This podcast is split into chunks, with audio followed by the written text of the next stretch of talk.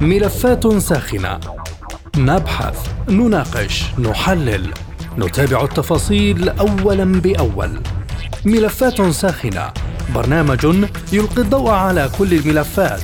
مع باقة من أبرز المحللين والمسؤولين. أهلا بكم مستمعي راديو سبوتنيك أينما كنتم وهذه حلقة جديدة من برنامج ملفات ساخنة. معكم في هذه الحلقة خالد عبد الجبار.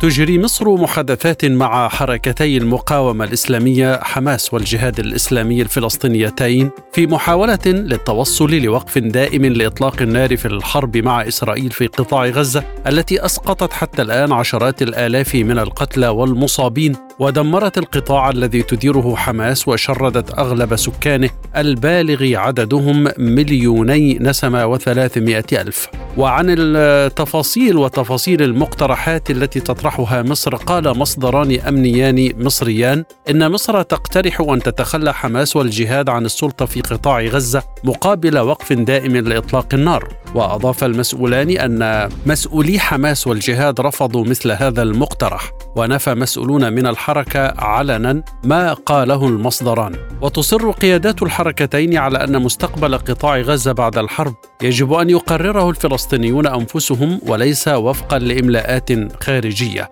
أما عن مراحل وقف إطلاق النار فقال المصدران الأمنيان المصريان إن القاهرة تقترح وقفا لإطلاق النار على عدة مراحل على أن تكون المرحلة الأولية مؤقتة لمدة أسبوع أو أسبوعين ومن الممكن تجديد وقف إطلاق النار المؤقت. ووفقا لمسؤولين فلسطينيين قالوا إن وقف إطلاق النار سيكون من ثلاث مراحل. فخلال أول عشرة أيام من هدنة إنسانية تطلق حماس سراح كل النساء والأطفال والمسنين المحتجزين لديها في المقابل تطلق إسرائيل سراح عدد متفق عليه من السجناء الفلسطينيين من الفئات نفسها وتوقف كل العمليات القتالية وتسحب الدبابات من القطاع وتسمح بإيصال المساعدات الغذائية والطبية والوقود وغاز الطهي وتسمح كذلك بعودة السكان إلى شمال قطاع غزة.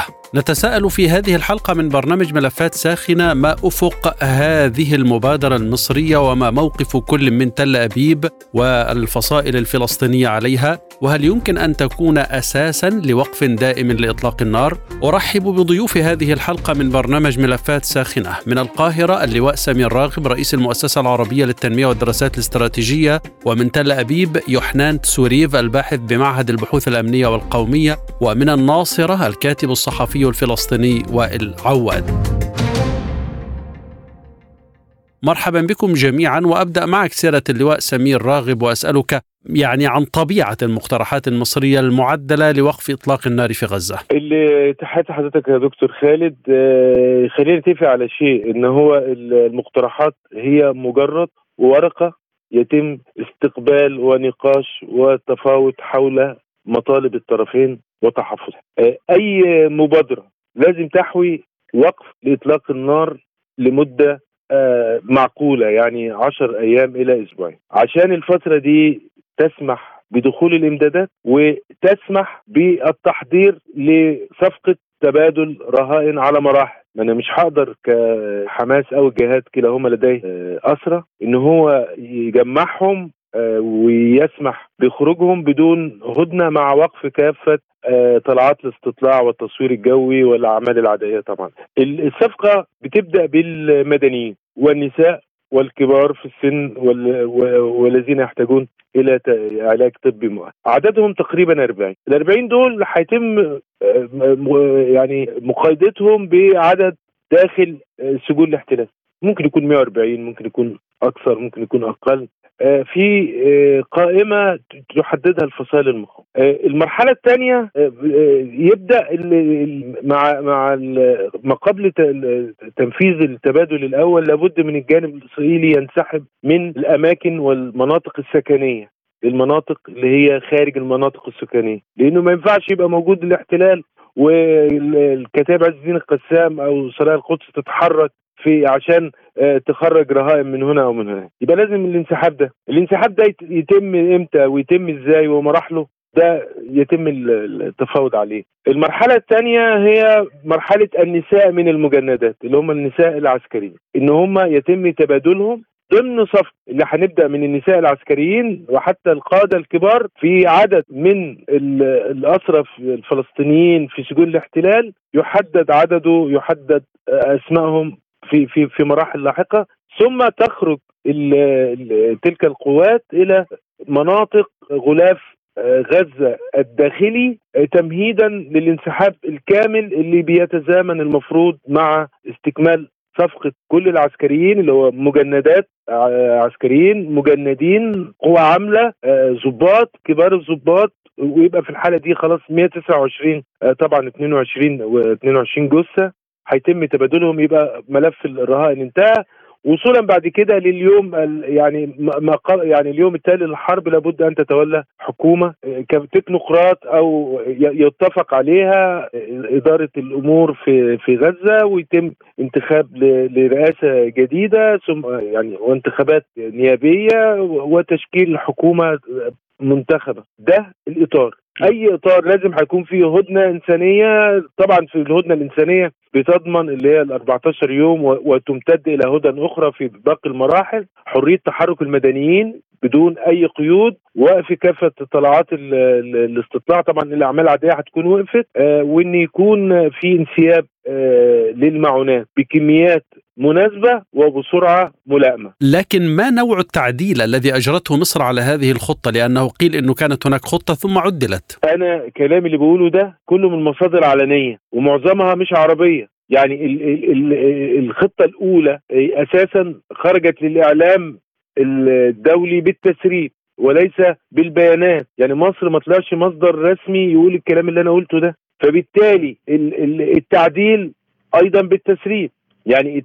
طب لكن هو أنا بقول لسيادتك هو اللي أنا قلته ده بصرف النظر إن في مبادرة مصرية أي مبادرة مصرية أو غير مصرية لازم هتحوي ده تحوي هدنة تحوي تبادل للاسرى بمراحل المراحل اللي هي كبار سن ونساء وأطفال إن بقوا يعني ودول تقريبا عددهم 40 ثم المجندات ثم المجندين ثم منهم في الاحتياط في يعني في في قيد الاحتياط سواء كان يعني مستدعى أو غير مستدعى ثم المجندين اللي هم كانوا بالخدمة بالفعل ثم القوى العاملة الضباط وصولا إلى يعني ال 129 وما رؤيتك لمدى حظوظ هذه الخطة من النجاح سيادة اللواء؟ حظوظها من النجاح طبقا للتفاعل الطرف الفلسطيني اولا لأن الخطة بتحوي الخطة دي أو أي تعديل لازم يحوي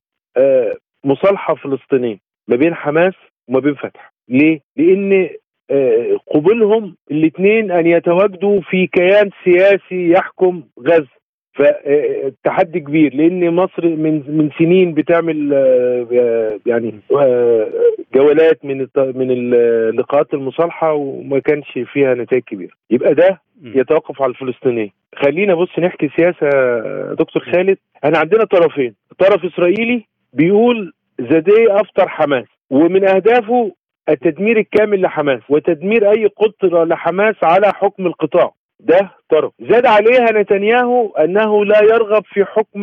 فتح للقطاع ويرى أنها غير مؤهلة بل يرغب في تغيير الفكر لكل الشعب الفلسطيني ومنع التطرف وتغيير المناهج التعليمية والثقافة وخلافه وعندنا طرف فلسطيني بيقول الكل مقابل الكل وأن لابد أن تتواجد حماس في مستقبل غزة. فبند الأسرى في مشكلة تبادل الأسرى في مشكلة وبند اليوم التالي للحرب في مشكلة مصر بتطرح مبادرة تحوي من من من لحظة إلى الوصول إلى نهاية الحرب وتعرض فيها اليوم التالي للحرب بما يحقق إن الجميع يقدم بعض التنازلات كافة الأطراف يعني مع الحصول على بعض المكاسب في حال موافقة الأطراف على هذا المقترح هل يمكن أن نقول إن العد التنازلي للحرب بدأ بالفعل؟ آه طبعا طبعا لسبب إحنا هنتكلم على آه، الخطوات تدريجية لتبريد الصراع. آه، ربما يعني تبدأ في خلال آه، أسابيع يعني مع الأسبوع الأول من العام. ثم خطوات للهدنة الأولى اللي هتكون إنسانية لدرجة كبيرة وفرصة إن يتم يعني بدء المراحل. يبقى إحنا بنتكلم في المراحل دي يعني في حدود مثلا أقل من شهرين نكون آه، أنهينا كافة أنواع العمليات العدائية وإن الانسحاب الكامل لاسرائيل من قطاع غزة على الحدود ما قبل 24 أكتوبر اللي هو العمليات البرية. ثم مراحل بعدها لابد أن تكتمل بتثبيت الوقف إطلاق النار ثم آه، مراحل سواء متعلقة بإعادة الإعمار أو بالمسار الأهم اللي هو حل الدولتين و ويعني فكرة آه، دولة فلسطينية تعيش جنبا إلى جنب مع دولة إسرائيلية. لكن آه، ما حدش يتخيل أنا يعني يبعدني عن مبادره مصريه عشان أنا إحنا بنحكي في موضوع ما يعني في في حالة من عدم اليقين على وجود الوثيقه قدامنا. اليوم التالي للحرب سواء هيكون بعد شهرين أو بعد أكثر أو بعد سنوات سيكون مختلف عن اليوم اللي قبل الحرب. يعني ما حدش يتخيل إن لا إسرائيل ستعود كما كانت ولا الحكم في غزة هيعود كما كان. طيب. وخلينا نبص لنقطة اقتصادية مهمة أوي. يعني إسرائيل عملت حملة تدمير آه، للبنية التحتية والأحياء السكنية في قطاع غزة أكثر من 70% مدمر. يحتاج لمليارات لإعادة الإعمار. لأن هتقول لي طب ما هي يعني هنبني للناس بيوتهم؟ لا ما أنت عايز تبني بنية تحتية وتبني طرق وتبني محطات مية وتبني وترجع مستشفيات اللي هي الحاجات الخاصة بالدولة. إن ترك القطاع لحماس تديره بدون آه، دعم ومعونات خارجية لن تستطيع. يعني كيف تحكم أحد حماس أو غير حماس هذا القطاع؟ الحكم مش بندقية يا خالد. الحكم قدرتك على توفير الاحتياجات الأساسية للشعب وتوفير ما تستطيع من رفاهية لهذا الشعب. ده مش متاح لا الفتح ولا الحماس ولا لأي فصيل آخر. طب يجي واحد يقول لك يعني مش هيبقى في حماس. حماس مش مجرد فصيل عسكري. حماس ايديولوجية وظهير شعبي. مش كل اللي في القطاع مع مع حماس. أنا بتكلم على حماس مش كتاب عز الدين القسام الناس كلها مع كتاب عز الدين القسام في حربها. كفصيل مقاوم لكن كحماس كفصيل سياسي له ظهير شعبي ولكن ليس بمفرده. حماس آه، شبكة من الكيانات الاقتصادية شبكة من الجمعيات الأهلية واللي بتقدم خدمات في مستشفيات وفي معونات وفي غيره. حماس بتحكم القطاع آه، يعني آه، من من عام 2007 يعني في الفترة دي أي حد بيحكم أكيد بيكون دولة عميقة داخل هذا ال ال يعني هذا القطاع.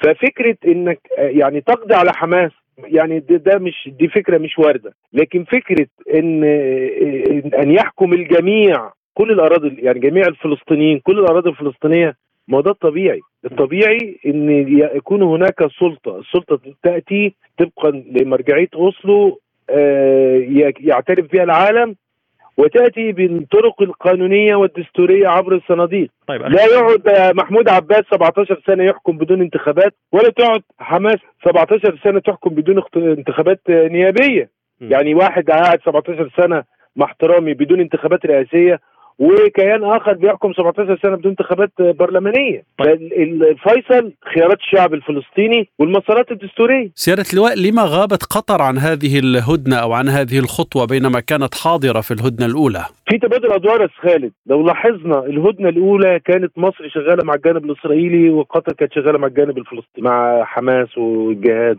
في تبادل أدوار.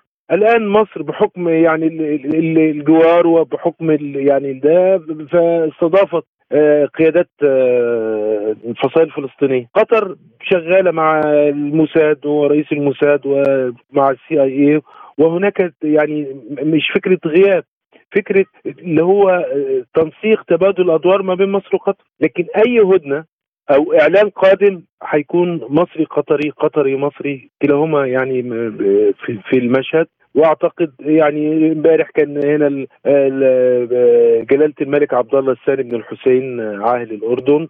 وفي مفاوضات مع الرئيس السيسي لأن ما نقدرش نغفل الأردن لأنها يعني دولة لها صاحبة معابر لفلسطين ومرتبطة أكثر بالضفة الغربية ومعنية بكل بحل القضية. وهي أحد دولتين أو الدولتين لهم علاقات مع إسرائيل. آه، يعني اتفاقيه سلام مصر 79 وهذه عرب بعد ذلك. شكرا لسيادة اللواء سمير راغب رئيس المؤسسة العربية للتنمية والدراسات الاستراتيجية من القاهرة. ومن تل أبيب أرحب مجددا بالسيد يوحنان تسوريف الباحث بمعهد البحوث الأمنية والقومية INSS. سيد يوحنان كيف تنظر اذا إلى المقترحات المصرية المعدلة لوقف إطلاق النار؟ لغاية الآن هذا الاقتراح لم يصل في استجابه من جانب حماس وكمان الطرف الإسرائيلي لم يرى هناك إمكانية للتقدم يعني هناك عدة نقاط لغاية الآن غير مفهومة بالنسبة لهذا الاقتراح يعني الطرف المصري تكلم في البداية على على هدنة معينة لمدة أسبوع أو أسبوعين لافراج عدد معين من ال من ال من المخطوطين. ولكن الآلية لم لم تفهم لغاية الآن ما هي آلية الإفراج ومن الذي يفرج عنه وإلى آخره. الطرف الإسرائيلي الطرف الخمساوي. وبعدين حكوا عن إمكانية طرق قطاع غزة. قيادة حماس مع الأجهزة الأمنية الحمساوية تخرج من قطاع غزة. هذا كمان كان مو إذا كان هذا شيء كانت له إجابة من جانب حماس. كان شيء إيجابي بالنسبة لإسرائيل حتى إذا كانوا يطلبوا أسرى معهم لإسرائيل تفرج عنهم. بالنسبة لإسرائيل كان قد يكون شيء إيجابي لكن أنا لا أرى إنه أي استجابة من طرف حماس في هذا الموضوع لأنهم يعتبروه كهزيمة هذا الكلام. ولذلك أنا لا أفهم ماذا ماذا تريد مصر كيف تنظر لهذا الموضوع لو هو سيصل في النهاية؟ هل هناك رد رسمي من تل أبيب على هذه المقترحات؟ أنا متهيألي كان غاد رسمي في الطرف الاسرائيلي هي حكت على هي رفضت ال ال ال الجزء الأول من هذا من هذه من هذا الفكرة من هذه الفكرة الجزء الثاني أنا باعتقادي لم يصل حتى للنقاش لم يصل للنقاش لكن ما هي نقطة الخلاف بالنسبة لتل أبيب مع القاهرة في تلك المقترحات؟ أنا باعتقادي الخلاف ليس بين القاهره وتل ابيب الخلاف بين حماس والقاهره ليس لأن حماس رفضت الفكرتين الأولى. يعني هي تريد وقف إطلاق نار شامل دائم. هي تريد وقف الحرب بتاتا إسرائيل غير مستعدة لوقف الحرب. يعني بالنسبة إلى تفيد حماس قدرة حماس العسكرية هي جزء مهم من هذه الحرب. ولذلك الأمور لن تتمشى هل لك أن توضح سيد سوريف هذه النقطة لماذا إسرائيل غير مستعدة لوقف الحرب؟ لأن الحرب لم لم لم تنتهي. تفكيك حماس لم يحصل لغاية الآن. لذلك هي تقول قد يأخذ وقت. هذه الحرب قد تأخذ وقت أكثر من سنة، شوف علينا أن نفهم. أنا لغاية الآن باعتقادي أنتم خصوصا الأجهزة الإعلام العربية اللي موجودة في في كل في كل العالم لم تفهموا حجم العملية التي عملتها حماس في 7 أكتوبر، عمليه وحشية قطعت رؤوس الناس، قطعت الصديق الأولاد عملت أشياء غير إخلاقية للنساء. أنا مش فاهم كيف أنتم تتجاهلوا هذا الكلام. في إسرائيل الشعب الإسرائيلي توحد ضد حماس. كان هناك انقسام إسرائيلي داخلي قبل هذه الحرب. الآن الكل يطلب من الحكومة الإنهاء الوصول لإنهاء القدره العسكرية لحماس. و... وأنا باعتقادي من خلال كل الأسئلة التي تطرح من جانب أجهزة الإعلام الأجنبية أنا أرى انه لغاية الآن هذه النقطة غير مفهومة للأسف الشديد. لكن هل يعقل أن تستمر الحرب إلى ما لا نهاية؟ مش لما لا نهاية. ممكن سنة ممكن أقل. لازم ننظر للموضوع تعيش الطويل ممكن حماس بكرة ستصل الاستنتاج. إنه عليها أن لازم تنهي الحرب تسلم نفسها أو تترك تترك قطاع غزة ممكن يبدأ ضغط كبير من جانب الشعب الفلسطيني على حماس لماذا دمرت غزة في هذه الصورة؟ لماذا أعطيت إلى إسرائيل الحجة أن تدخل من جديد لغزة؟ كيف فرضت على إسرائيل أن ترجع لغزة بعد ما خرجت من هناك ب 2005 ما اللي حصل للشعب الفلسطيني؟ هل تقدمنا في خطوة واحدة إلى تحرير فلسطين؟ هل هل تغير وضع اللاجئين في قطاع غزة ووضع اللاجئين في الدول العربية الأخرى؟ ماذا حصل؟ يعني أكثر من 30 سنة هذا التنظيم قائم وشغال ولم يعطي أي شيء لم يقدم أي شيء للمستقبل الفلسطيني. كله دمير ودمار تدمير ودمار آه، كل أربع خمس سنوات من جديد. ويعتبر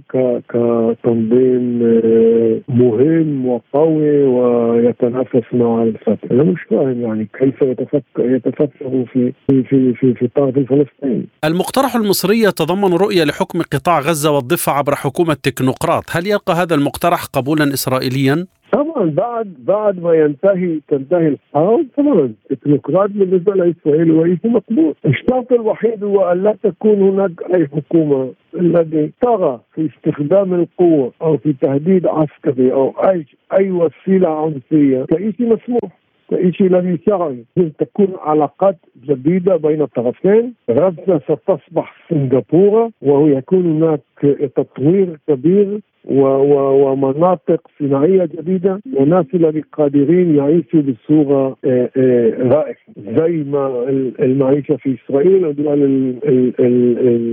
الغربية. هيك لازم يكون الوضع ليس تنظيم معين الذي دائما يدفع الأمور إلى إلى إلى إلى العنف والتدمير والدمار، حماس هي نعم. المسؤولة الرئيسية على تدمير على تدمير اتفاقيات اوسلو، هي من البدايه من بداية يوم التطبيق الأول بدأت تستخدم قوة ضد هذا هذا الاتفاق، لذلك علينا ننظر إليها بهذه الصورة، هي دمرت، هي الذي عملت كل شيء، والآن تطلب أو ناس يدعموها، هذا شيء غير معقول. بمازن نفسه كان يقول لحماس دائما الصواريخ تبعكم هي صواريخ عباسية لا توصل لأي شيء وفي النهاية نرى إنه الحق كان مع أبو مازن لأن تدمير بعد تدمير دمار بعد دمار هيك اللي حصل. شكرا لسيد يوحنان السوريف الباحث بمعهد البحوث الأمنية والقومية من تل أبيب. ومن الناصرة أرحب مجددا بالأستاذ وائل عواد الكاتب الصحفي الفلسطيني. أستاذ وائل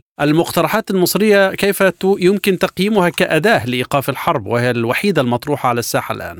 أنا أعتقد بأن هنالك نية مصرية حقيقية لإيقاف الحرب ولكن المشكلة هي بالبعد الكبير بين النوايا الإسرائيلية وما تريده من هذه المعركة وبين ما تريده حماس من من تبادل الاسرى، حماس تريد من تبادل الاسرى إيقاف الحرب. تقول اليوم ما المعنى؟ بطلق سراح أسرى نرتاح بضعة أيام كما كان في المرة الأولى ثم يستمر القصف ويستمر القتل. هي تريد أن وكلما مر الوقت أكثر يقل عدد الأسرى لديها بالتالي وكأن الأوراق تضعف والضغط داخل الشارع الإسرائيلي يضعف. تعرف في فرق بين ما تضغط 150 عائلة على الحكومة الإسرائيلية وبين لما تيجي مثلا 30 أو 40 عائلة يضغطوا. ف آه، آه، لذلك هي تقول وضعت ثلاث أهداف. إيقاف الحرب تبييض السجون الإسرائيلية والحديث عن إعمار غزة وفتح المعابر. إسرائيل بعيدة عن ذلك. إسرائيل تقول هذا معناه أن تبقى حماس. وكل الحرب أهم أهدافها هي القضاء على حماس سياسيا وعسكريا. فبالتالي أعتقد أن البعد كبير. والمبادرات المصرية المشكلة آه، في هذه الحالة قد تساعد إسرائيل أكثر. لماذا؟ لأنه يهم, يهم إسرائيل أن تبدو أمام عائلات الأسرى وكأنها فعلا آه، تعمل بشكل جدي لإطلاق سراحهم. و تحمل مسؤولية بأن الطرف الآخر هو الذي لا يريد وليس وليس نحن. هل يفهم من هذا أن إسرائيل تريد هدنة مؤقتة فقط وليس وقفا دائما؟ اسرائيل تريد اولا هي لا تريد الهدنة، هي تقول أنا مستعدة أن أدفع الثمن بين قوسين هدنة بين سبع إلى عشر أيام فقط على شرط بأن الحرب مستمرة وقد تستمر لأشهر وقد تستمر لعام. آه مع بقاء إمكانية الحرب مفتوحة للقضاء على حماس وقتل رموز حماس بالاساس السنوار. هذا ما تريده إسرائيل. أين المشكلة؟ إذا إسرائيل تنازلت عن ذلك معناه بأنها خسرت الحرب أيضا في الإعلام الداخلي وأيضا القيادة الإسرائيلية أمام شعبها. نتنياهو إذا عاد الآن إلى شعبه منتصرا وقاتل السنوار ومسك غزة ورماها في البحر سيحاكم وسيحاسب واستطلاعات الرأي آه، تعطيه بأنه سيخسر. تخيل إذا عاد ولم يقضي على حماس آه، إذا عاد دون الأسرى. فبالتالي هو على الأقل يريد في هذه المرحلة أن يحقق الهدف الأول إعادة الأسرى مقابل أيام هدنة وبعدها يكمل الهدف الآخر القضاء على حماس. وحماس تقول لا يوجد منطق في هذا الكلام بأن يقضى علي ثم نتحدث في باقي التفاصيل أو أو أو عفوا ان يعاد الأسرى ويعلن بأنه يراد القضاء علي. يعني ما الذي تستفيده؟ في هذه الحالة وهذا الذي عمليا يعكر الموضوع آه، وليس التفاصيل الفكرة كلها هي المشكلة مش تفاصيل لا عدد الاسرى ولا ولا عدد ايامات الهدنة. النية لكل طرف من الأطراف نية حماس. إطلاق سراح الاسرى تبييض السجون واستمرار استمرارها في الحكم. نية إسرائيل هي آه، آه، استمرار الحرب والقضاء على حماس. أفكر واحد فيهم بالشرق وفي الغرب. من ناحية أهداف وهذا ما يصعب الأمر. لكن هل هذه الأهداف التي ذكرتها قابلة للتحقيق اسرائيليا؟ يعني حتى سمعت محللين إسرائيليين صديقي جوابا على السؤال يقولون علينا إعادة النظر في الأهداف. شو يعني إعادة النظر في الأهداف؟ شو يعني إعادة صياغتها يعني التنازل عن بعضها ولا شو يعني إعادة الصياغة يعني؟ لأنه اليوم هنالك رؤية وكتاب إسرائيليين يقولون بأنه لا يمكن اجتثاث حماس من جذورها، لا يمكن القضاء عليها بالمجمل حتى قرأت بعض الكتاب يقولون هذه أمنيات وليست أهداف حرب. آه يعني بعد اليوم إحنا أكثر من 80 يوم على الحرب ولا أسير واحد تم إطلاق سراحه حيا إما يخرجون هناك جثامين من داخل العراق وحتى ثلاث اسرى اللي هن طلعوا تم إطلاق النار عليهم وقتلهم. هذا بالجانب الأول. بالجانب الثاني لم يقتلوا ولا أي رمز بارز جدا من حماس خصوصا من قيادات الصف الأول. قتلوا في الشمال قائد المنطقة الشمالية في اهم من قتل يعني. فبالتالي أنا أعتقد ان هذه الأهداف أكبر أو إنها أطلقت في لحظة حماس إسرائيلية. حماس هنا مش حماس حماس عارف علي حماس يعني تحمس نعم إسرائيلية. نعم. آه آه إما آه ولاحقا رأوا بأن الأهداف أكبر من اللازم أو عمدا نتنياهو طرح هذه الأهداف وهو يعرف بأنها بعيدة المدى. ويريدها بعيدة المدى لأن هنالك علاقة مباشرة بين بقاء نتنياهو في الحكم وبين انتهاء الحرب. إذا انتهت الحرب الساعة الخامسة في يوم ما الساعة السادسة سيعلن عن انتخابات جديدة في إسرائيل. وسيعلن عن انتهاء حكم نتنياهو.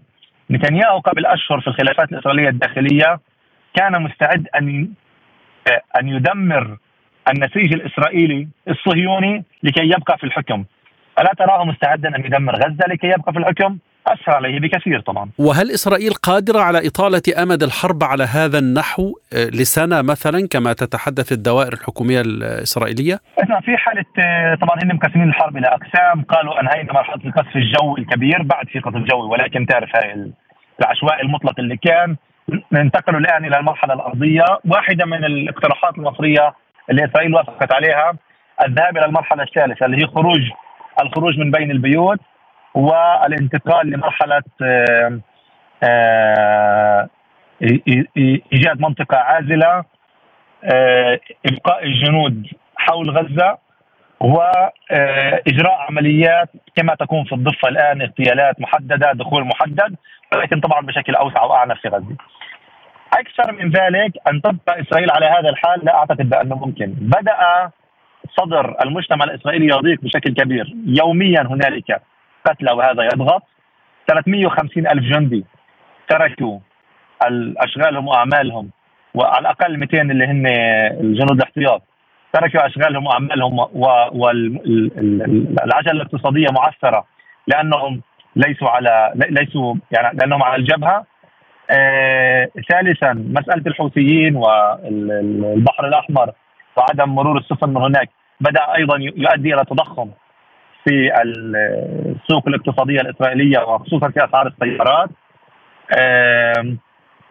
حوالي 250 ألف مواطن 100 ألف مواطن في الشمال و150 ألف بالجنوب بعيدين عن بيوتهم. إسرائيل تدفع لكل هؤلاء تدفع أجار بيوت أجار فنادق تدفع منح كبيرة بشكل شهري. لا تستطيع إسرائيل أن تبقى بهذه الصورة إلى الأبد. الحديث اليوم عن قدرة تحمل الشعب الإسرائيلي على هذا أكبر بكثير من قدرة تحمل الشعب الفلسطيني. شكرا للأستاذ وائل عواد الكاتب الصحفي الفلسطيني من الناصرة. وشكرا لكم مستمعي الكرام للمزيد زوروا سبوتنيك dot ae. إلى اللقاء. مستمعينا بهذا نصل وإياكم إلى نهاية هذه الحلقة من برنامج ملفات ساخنة. طابت أوقاتكم وإلى اللقاء.